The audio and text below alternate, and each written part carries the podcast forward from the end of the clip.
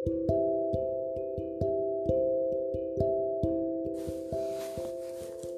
selamat hari Jumat lagi teman-teman. Jadi karena banyak banget yang nanya, Kamel kenapa sih masih kuat jomblo?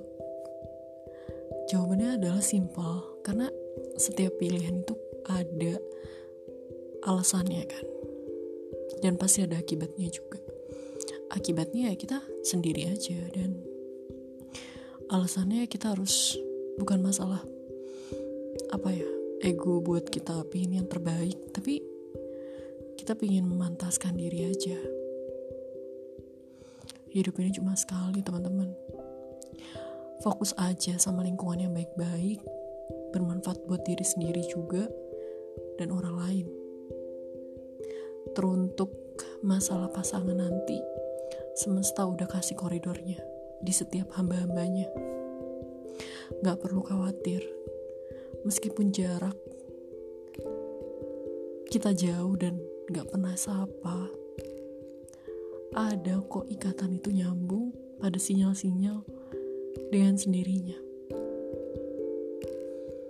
Apalagi kalau misalnya masalah doa ridho orang tua itu indah banget teman-teman dirasa dan ingat aja orang baik ditemukan dengan orang yang baik juga mari lakukan kebaikan bukan buat diri sendiri, tapi antar sesama dan orang lain. Biar kebaikannya itu jadi besar dan bisa dinikmati bersama. Sebenarnya tujuan kita di dunia itu buat apa sih? Bukan masalah buat diri kita sendiri kan?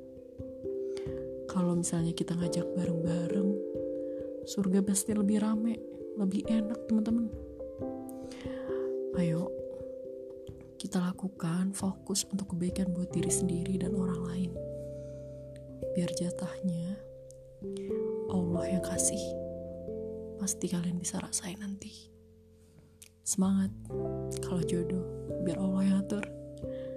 Fokus dulu ya.